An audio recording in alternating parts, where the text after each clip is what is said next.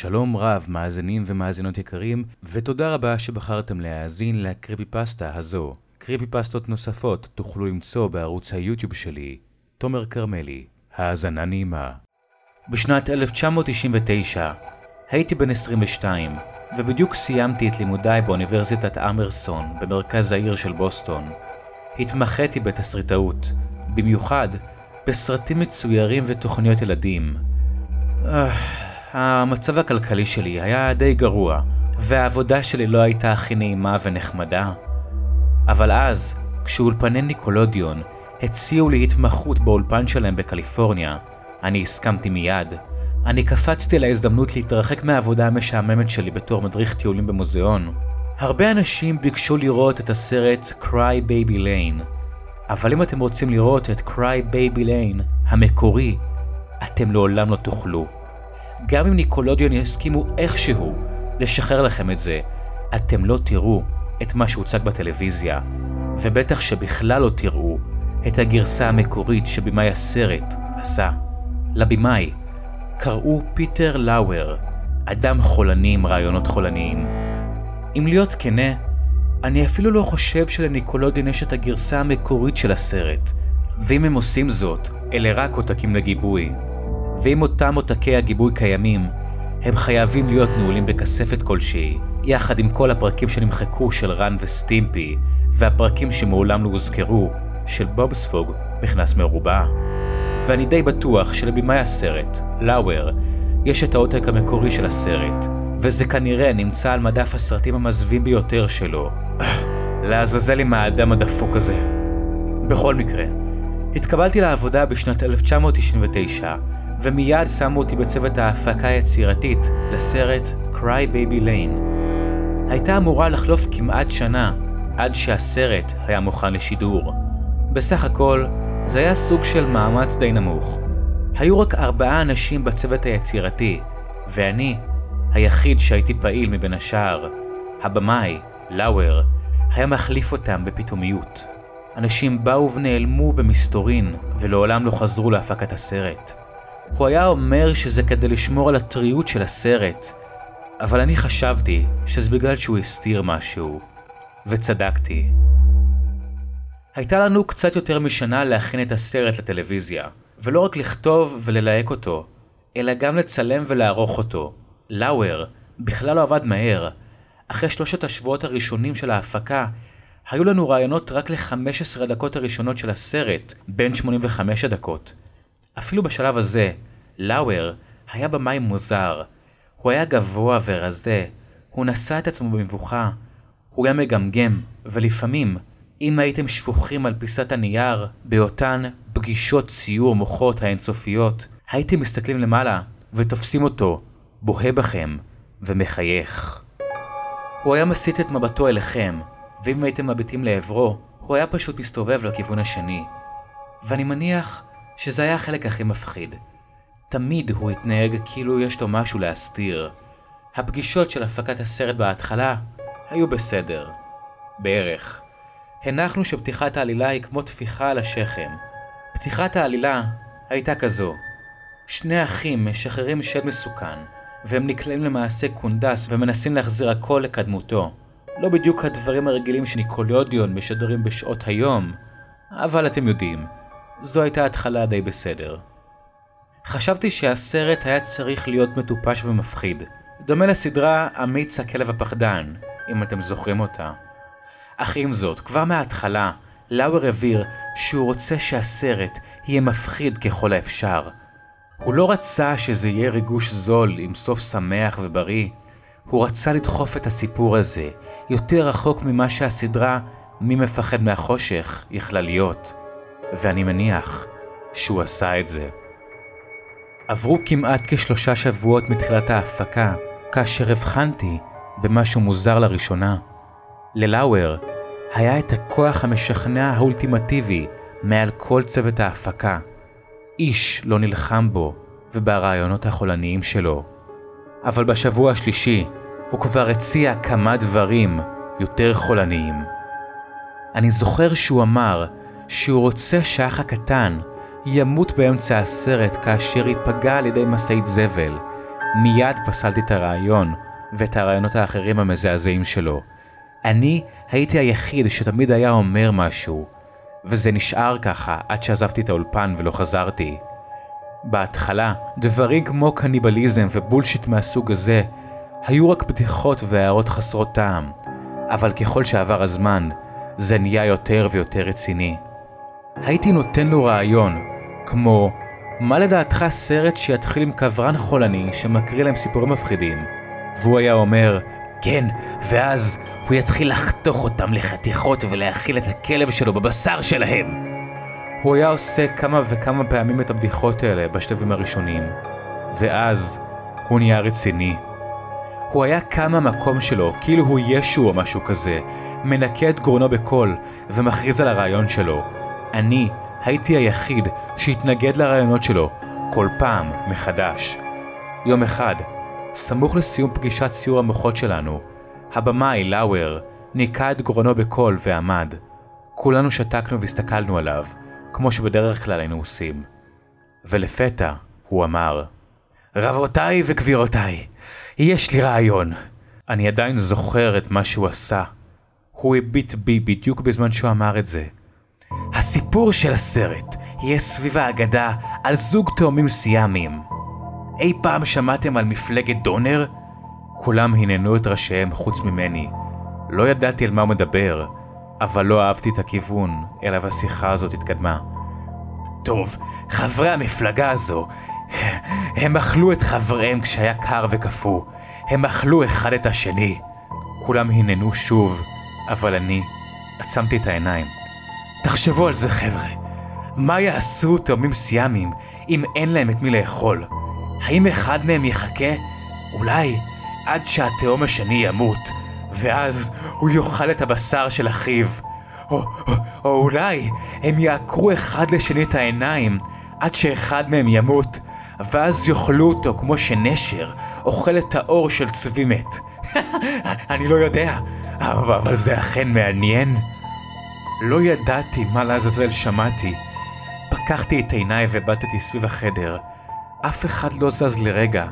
העיניים של כולם הביטו לעבר פיטר לאואר, חוץ משלי. וכשהסתכלתי עליו, הוא עדיין בהה בי. ילדים אוהבים אלימות, הם מתרנגים על זה. ילדים אוהבים לפחד, אז נפחיד אותם. אתה לא חושב ככה, ג'וני? הוא רקן מעל השולחן שלי והתקרב עם ראשו אליי. הבל הפה שלו היה נוראי. בעיתי בו בחזרה. אני חושב שאתה דפוק בשכל, למען האמת. הוא חייך ואז נסוג לצד. אולי אני באמת דפוק בשכל, כן, אבל אתה צריך להיות דפוק בשכל, ג'וני, כדי לשרוד בעולם החרא הזה. החיוך שלו התרחב לחיוך עם שיניים. כרגע, ג'וני, אני אראה לך כמה תמונות שיעוררו את הדמיון הכי פרוע שלך. הוא קם ונעל את הדלת של החדר מבפנים. אני קמתי בזעם ואמרתי, מה לעזאזל אתה חושב שאתה עושה? בואו לא נעשה דברים שנתחרט עליהם, ג'ונתן. בבקשה, תשב. לא, אמרתי. שב מיד, ג'ונתן. אך למרות זאת, עשיתי את זה. לאואר שלף מקרן שקפים ישן. הוא הפעיל את המתג ודיבר בצעקות. זאת ההשראה המזורגגת שאנחנו צריכים להמשיך עם הפאקינג הפקה הזו, ג'וני. זה מה שכל ילד שצופה בניקולודיון צריך לראות. העיניים שלו בלטו מראשו, הוא הניח את התמונה על משטח הזכוכית של המקרן, והיה שקט. התמונה הייתה בשחור לבן. יכולתי להבחין במעומעם בילד ששוכב על רצפת לבנים, זרועותיו מנותקות מגופו, ונקודות שחורות מדממות מכל גופו. הדבר היחיד שהיה ברור היו פניו. הוא דימם מהפה. לאואר כמעט השליך את השקופית ושם את השקופית הבאה. זו הייתה תמונה מוגדלת של פני הילד.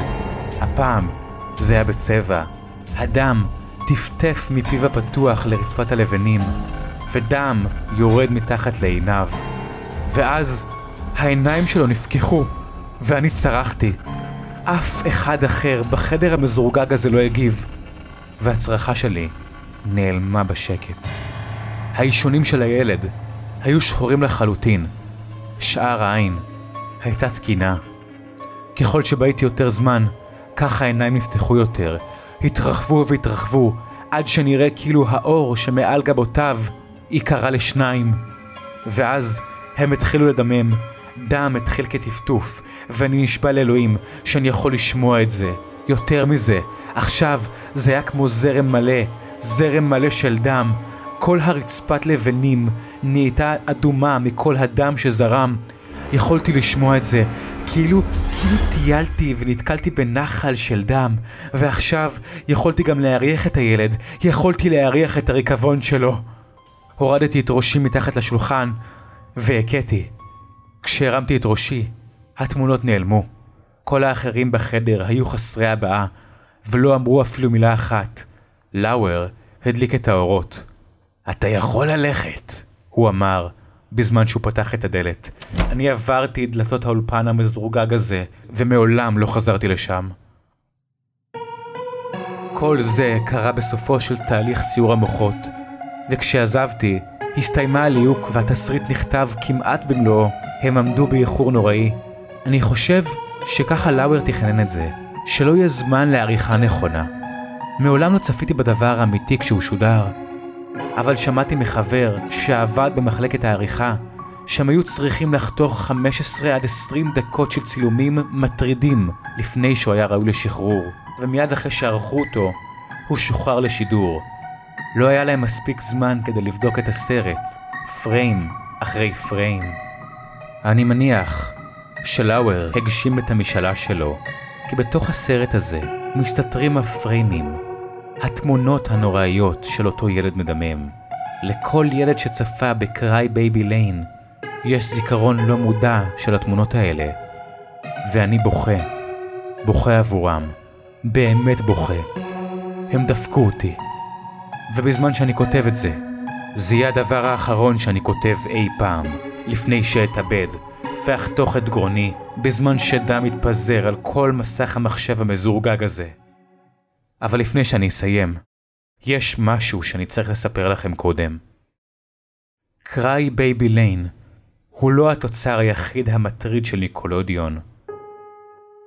יש הרבה סדרות של ניקלודיאון שרובנו גדלנו עליהם, שנוצרו מהרעיונות המחליאים של הבמאי לאואר. בשלב מוקדם, העלה לאואר רעיון על שני אחים שלוכדים סנאי, מכניסים את הסנאי בצנצנת ומטביעים אותו לאט לפני שממלאים את הצנצנת בחול ומפילים אותה לקרקעית הים. זמן לאחר שהוצע הדבר, סנדי צ'יקס מבוב ספוג מכנס מרובע הופיע בפרק הראשון, תה מתחת לכיפה, כשהיא חיה בצנצנת בקרקעית הים. לאואר גם מציע בסצנה אחת של הסרט שאדם עם אף של דיונון יוריד את מכנסיו מול שני הנערים ויאנוס אותם מחוץ למצלמה. סקווידוורד טנטקלס, זמן קצר אחרי שזה הוצע, התחיל להופיע כאחת הדמויות המרכזיות בסדרה בובספוג. הוא גם הציע ששני האחים יהיו אחים חורגים, שנאלצים להתגורר באותו בית לאחר שאימו של האח החורג נמצאה מתה בקבר חלול. גופתה נאכלה בקניבליזם אכזרי על ידי בעלה, חזה עם מזג האוויר מקומי. תוכנית עם דמיון מצמרר, דרייק וג'וש, עלתה לאוויר בשנת 2004, והאב החורג בסדרה הוא אכן חזאי מזג אוויר. לאואר גם הציע רעיון שהאח הצעיר יקים בית כלבים בו הוא מחזיק עוברים של בעלי חיים שונים, עטופים בחומצה שבהם הוא משתמש באופן קבוע כדי להרעיל את אמו בזמן שהיא מקיימת יחסי מין עם אביו החורג המתעלל. סיפורי ג'ינג'ר עלה לניקלודיאון זמן קצר לאחר מכן. עוד רעיון על מישהו שלוכד את נשמותיהם של ילדים בשואב אבק ושולח אותם לגיהנום. טוב, מפה בא רעיון לדני פנטום. רובוט שמשתגע על שני האחים, הורג אחד מהם ולובש את עורו ומעמיד פנים שהוא האח המת בתיכון, הפך לסדרה חיי כרובוט מתבגרת. ופדופיל ששומר במרתף שלו שני בנות ומצלם אותם לאינטרנט, הפך במהרה לאיי קרלי. הרשימה נמשכת ונמשכת. ניקולודיון יודעים, הם ממשיכים במורשת החולנית של הבמאי פיטר לאואר, לפעמים במסרים סודיים, ולפעמים בגלוי בערוץ שלהם. ואין שום דבר שאתם, או אני, יכולים לעשות בנידון.